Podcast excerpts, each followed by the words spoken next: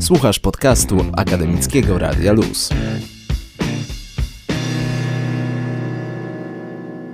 Akademia Młodych Uczonych i Artystów, pierwsze tego typu przedsięwzięcie w Europie Środkowo-Wschodniej, naukowy organ doradczy prezydenta Wrocławia, niezwykła grupa pasjonatów, naukowców, artystów wychodzących z ram uczelni i jednostek badawczych. Naszym gościem jest dziś dr Urszula Lisowska z Instytutu Filozofii Uniwersytetu Wrocławskiego. Od czerwca 2019 roku nowa przewodnicząca Akademii Młodych Uczonych i Artystów. Dzień dobry, pani doktor. Dzień dobry. Czym jest Akademia Młodych Uczonych dla pani? Dlaczego jest tak wyjątkowa i skupia tak wielu naukowców wrocławskich? Akademia Młodych Uczonych, tak jak pani powiedziała, jest taką dość specyficzną instytucją, która ma na celu łączyć bardzo niejednorodne grupy, no bo sama kategoria uczonych oznacza wiele różnych grup. Mamy uczonych ścisłowców technicznych, humanistów i społecznych, no i jeszcze mam do tego artystów z szkoły plastycznej, ale też muzyków, muzykologów czy aktorów, więc to jest takie bardzo niejednorodne, niehomogeniczne grono, które ma szansę wcierać w życie tę ideę interdyscyplinarności, co wydaje mi się ważne w ogóle z perspektywy badań jakiejkolwiek dziedzinie i współcześnie czy obecnie w naszej sytuacji w kraju wydaje mi się tym istotniejsze, że jakoś trochę wypycha się nas poza myślenie interdyscyplinarne, a to jest z korzyścią dla wszystkich, z korzyścią dla nauki w ogóle jako pewnego narzędzia funkcjonowania człowieka w świecie, więc takie powiązania moim zdaniem trzeba tworzyć i pielęgnować, na co Akademia pozwala. Z drugiej strony istotne dla mnie jest to, że jest proobywatelski, społeczny, który może jakoś zaistnieć z tej przestrzeni publicznej, co można potraktować trochę jako rozwijanie założenia o tym, że nauka czy aktywność intelektualna intelektualna, artystyczna są dobrami wspólnymi i jest to coś, czym trzeba się dzielić. Nasza edukacja jest oparta ciągle na tym systemie, no bo nawet kształcenie w szkołach wyższych jest ciągle darmowe w trybie dziennym, więc można powiedzieć, że Akademia jako taki obywatelski organ nawiązuje do tej idei i w jakimś sensie może zwracamy trochę ten dług społeczeństwu, który zaciągnęliśmy kształcąc się w dużej mierze za publiczne pieniądze. Z jednej strony jest ta idea jedności wiedzy, a z drugiej strony sztuka i jej taka powszechność. Czy ona też się przejawia jakoś szczególnie? Warto zwrócić uwagę na to, że artyści są jakby osobno wymienieni w naszej nazwie, więc to jest taki integralny element, przy czym też dobrze byłoby powiedzieć, że wielu artystów, którzy są w akademii, są też przy okazji naukowcami, czy to z kierunków ścisłych, czy też humanistycznych. Rola sztuki jest tyle istotna w akademii, że ta współpraca między nauką a sztuką ma polegać nie tylko na tym, że sztuka dostarcza jakichś narzędzi do propagowania pewnych idei naukowych, ale sama jest traktowana jako pewien sposób oglądu rzeczywistości, który ujęcie nowe rzeczywistości może zaproponować, więc to jest sztuka, czy artyści są takimi równorzędnymi partnerami i istotne właśnie dla idei Akademii jest to, żeby w ten sposób właśnie sztukę też traktować, czyli nie po prostu jako, jako pewne narzędzie popularyzatorskie, coś, co może uatrakcyjnić mhm. przekaz, mhm. tylko po prostu jako odrębny rodzaj przekazu, który jest w dialogu z przekazem naukowym. A jak można zostać członkiem waszego grona? Czy to jest trudna droga? Co roku mamy możliwość otwarcia rekrutacji i za mojej pamięci, czyli jestem teraz członkiem Akademii od trzech lat, co roku taka rekrutacja się dokonuje dokonuje wiosną, otwiera się nabór, informacje są rozsyłane wówczas do wszystkich uczelni. No i pierwszy etap polega na, na złożeniu wniosku po prostu w Wrocławskim Centrum Akademickim. W tym wniosku trzeba opisać swój profil badawczy, swoje osiągnięcia. Trzeba być poniżej 35 roku życia. To jest taki podstawowy kryterium formalny. Na tym ma polegać młodość y, uczonych i artystów. Czyli pani, pamiętajmy o tym, jeśli chcemy się zgłaszać do Akademii? Tak, tak. No niestety zdarzają się często takie sytuacje, że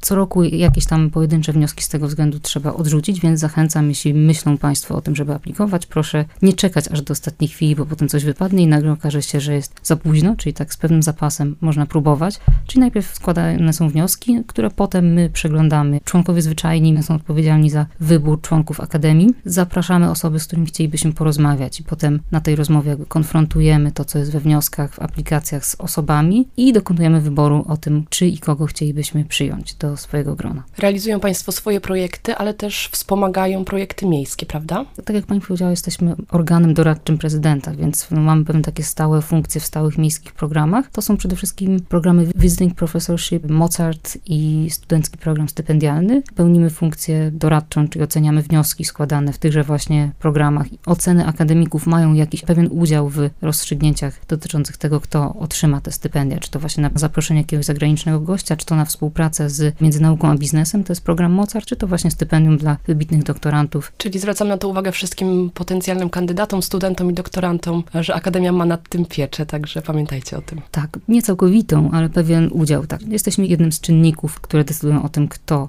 te stypendia czy jakieś benefity dostanie, no ale nie jesteśmy takim suwerennym ciałem, więc to, to od nas nie wszystko zależy. W swojej pracy naukowej skupia się Pani przede wszystkim na filozofii społecznej, a dokładniej na współczesnym angloamerykańskim liberalizmie oraz zależnością między filozofią polityki i estetyką. Co to oznacza w praktyce? Była to jedna z motywacji, dla których pomyślałam, że spróbuję aplikować do akademii, dlatego że interesowała mnie właśnie ta współpraca z artystami i istnienie w przestrzeni publicznej. Jest właściwie kilka wątków, które można było tutaj rozwinąć, czyli z jednej strony filozofia społeczna i filozofia polityki, bo to też można potraktować jako pewne odrębne nurty badawcze, czy pewne perspektywy badawcze. Wydaje mi się, że w swoim rozwoju do tej pory przesunęłam się od filozofii społecznej do filozofii polityki za pośrednictwem właśnie badania może znaczenia sztuki w edukacji obywatelskiej, przy czym teraz właśnie te związki estetyki i polityki raczej zaprowadziły mnie do szerszego pytania o podstawy polityczności, jak sfera polityczna, sfera publiczna jest konstytuowana, jaką rolę mogą w tym odgrywać czynniki estetyczne, czy doświadczenia estetyczne, ale nie tylko, więc tak naprawdę myślę, że też już ta faza badania filozofii polityki i estetyki powoli mija i, i pozwoliła mi zadać też trochę szersze pytania, którymi teraz chcę się zajmować. Czy można Pani przybliżyć te pytania? Pytania właśnie dotyczą tego, czym tak naprawdę jest polityka, czym różni się od społeczeństwa, od innych rodzajów społeczności, relacji, stowarzyszeń, które tworzymy,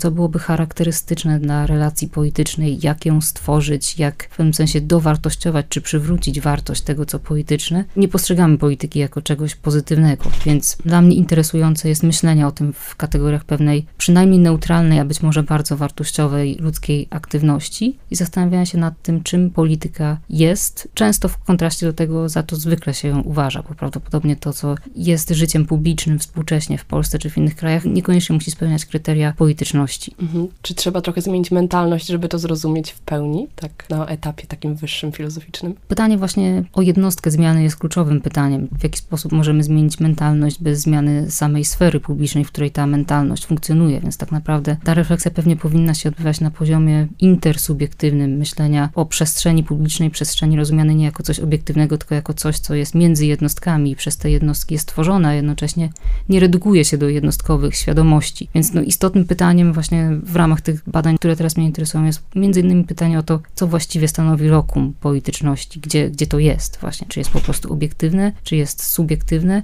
Prawdopodobnie jest to coś pomiędzy. Wiemy, że łatwo jest prowadzić badania i eksperymenty w tematyce przyrodniczej, technologicznej, bo te efekty są takie namacalne i widoczne już. A jak to wygląda w przypadku nauk humanistycznych? Co jest dla no. Pani takim bodźcem do tego, że warto to robić?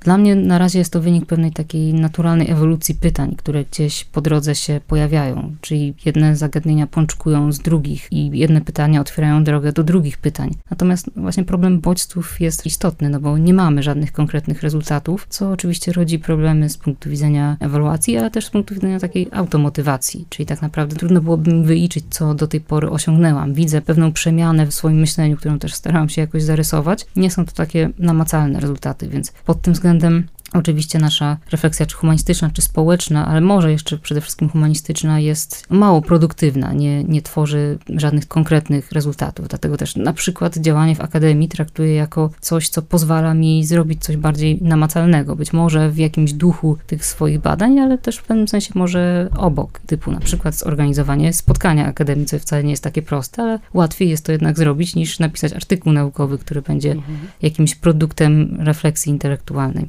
A tak w nawiązaniu do eksperymentów i tematyki przyrodniczej wiem, że istnieje takie odgałęzienie filozofii jak filozofia środowiskowa. Czy ona też Panią interesuje? Ostatnio właśnie teraz bardziej interesuje mnie filozoficzna refleksja nad środowiskiem przyrodniczym, nad ochroną środowiska, nad naturą, nad miejscem człowieka w naturze. Tym bardziej, że to jest temat taki bardzo chodliwy, powiedzmy, obecnie. Oczywiście to, to jest temat polityczny w takim sensie bezpośrednim, no bo ma konkretne implikacje polityczne. Mnie też interesuje to, w jaki sposób właśnie myślenie o naszej relacji w stosunku do środowiska środowiska i jaki może mieć wpływ na myślenie znowu o podstawach polityczności, czym tak naprawdę jest ta polityka, czy jest czymś zewnętrznym w stosunku do środowiska, czy na przykład nasze myślenie o świecie przyrodniczym, o materii, o tym, z czego zbudowany jest świat, może mieć jakieś bezpośrednie przełożenie na to, jak myślimy o tym, czym jest polityczność. Kolejny trop, którym podążam, no też czuję się no, bardzo nową adeptką tego kierunku. Prowadzę teraz zajęcia z tego przedmiotu, ale to właściwie jest pierwszy raz, kiedy je prowadzę i jest to tak eksperymentalny projekt, powiedziałabym. Mam nadzieję, że studenci za bardzo na tym nie ucierpią. A czy myśli Pani, że łatwo jest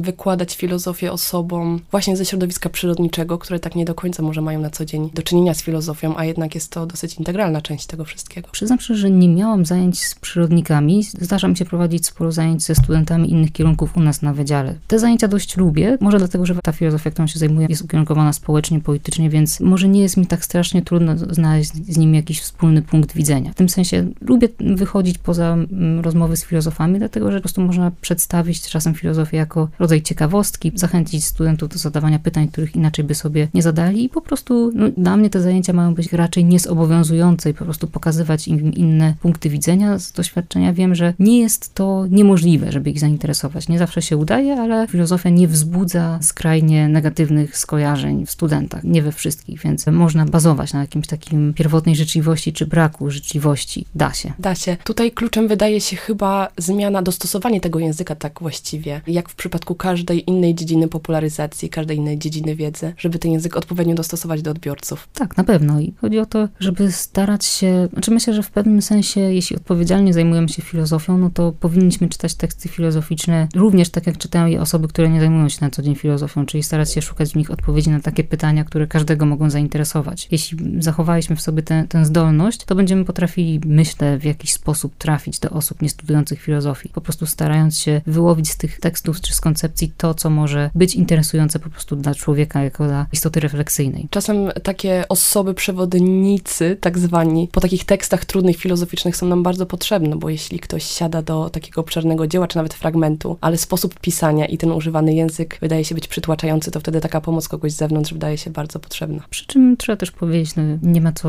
tutaj ściemniać, że lektura z tekstów filozoficznych to jest jakby bułka z masłem również dla osób zajmujących się filozofią, więc jest dużo tekstów, jest dużo autorów, którzy sprawiają trudność i, i nie jest to moim zdaniem żadna ujma przyznać się, że mhm. lektura jest trudna, nawet po jeśli prostu. jest się wykształconym mhm. filozofem. Bardzo często w pani biogramach można zauważyć taką notkę feministka życiowo, feministka badawczo, jedno i drugie. Tak jest, tak. Jaki ma pani na to pogląd? To też jest dość ciekawa kwestia, dlatego że czas, często spotykam się z tym, że jako kobieta zajmująca się nauką jestem kojarzona bezpośrednio z feminizmem, a nie mogę sobie rościć pretensji do tego, żeby uznawać się za badaczkę feminizmu w filozofii feministycznej, bo nie mam jakichś osiągnięć w tym temacie i bardzo systematycznie feminizmu nigdy nie studiowałam, natomiast feminizm jest dla mnie pewną orientacją życiową, ale też jednym z punktów widzenia z perspektywy których czytam teksty i, do, i dobra filozofia polityki musi być filozofią, która uwzględnia kwestie feministyczne. Z drugiej strony można się też oczywiście zastanawiać, co feminizm mógłby wnieść do filozofii polityki, więc na pewno nie jestem znawczynią feminizmu, tylko feminizm, powiedziałabym, stanowi taki organiczny element mojego myślenia o, o filozofii, lektury tekstów filozoficznych.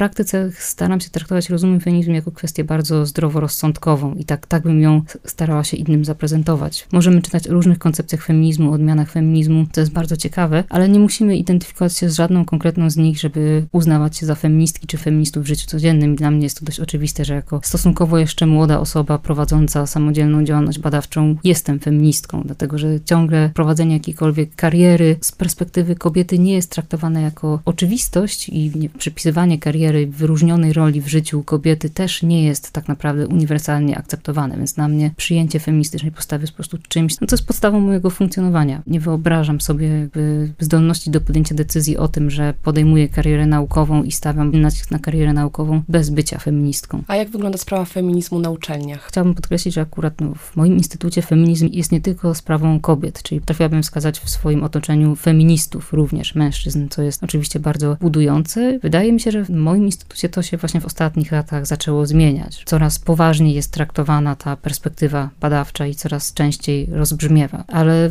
ogólnie nie ma jakiegoś takiego strasznego oporu, który by sprawiał, że nie można wprowadzać kwestii feministycznych, że są one traktowane z definicji jako nienaukowe czy kuriozalne, więc mhm. jakieś takie na, na bardzo podstawowym poziomie jest pole do tego, żeby feminizm w teorii i praktyce realizować. A czy nie uważa Pani, że Polacy wciąż mają problem z tym, że pewne zawody, także naukowe, są uznawane stricte za bardziej feministyczne, a inne za mniej typowo męskie i typowo kobiece. E, tak, oczywiście, na pewno tego rodzaju przekonania ciągle pokutują, chociaż wydaje mi się, że jeśli chodzi o moją działkę, o filozofię, to to może nie jest to tak mocno zmaskulinizowana przestrzeń, więc może nie jest mocno sfeminizowana, ale można byłoby uznać, że jest w miarę neutralna. Natomiast no, zdaję sobie sprawę, że na pewno ciężej jest koleżankom funkcjonującym w naukach przyrodniczych czy, czy technicznych, więc mhm. oczywiście pojawią się tutaj może jeszcze koleżanki z Akademii, będą mogły o tym opowiedzieć, ja nie chcę mówić w ich imieniu. Nie doświadczam aż takich y, reperkusji z racji bycia kobietą, natomiast zdaję sobie sprawę, że w innych dyscyplinach może być inaczej. Na pewno ten temat poruszymy z innymi akademikami. I na koniec powiedzmy jeszcze o projektach, które realizuje Pani z innymi akademikami w ramach Akademii, dla młodszych ludzi, może dla licealistów także? Projektem, który udało mi się zrealizować we współpracy z dr Ewą Błaszczak z biologii, biolożką i filolożką angielską, był to projekt warsztatów angielskiego akademickiego dla licealistów. Mam jakieś wykształcenie takie powiedzmy uzupełniające anglistyczne, ale też się trochę tłumaczeniami zajmuję, więc udało nam się wspólnie zrobić taki projekt w kwietniu tego roku. Pisz po angielsku, żeby cię zrozumieli. Zaprosiłyśmy znajomego tłumacza, który powiedział tym młodym ludziom, licealistom o specyfice angielskiego akademickiego. My potem prowadziłyśmy takie bloki już bardziej praktyczne z nauk przyrodniczych i z nauk humanistycznych.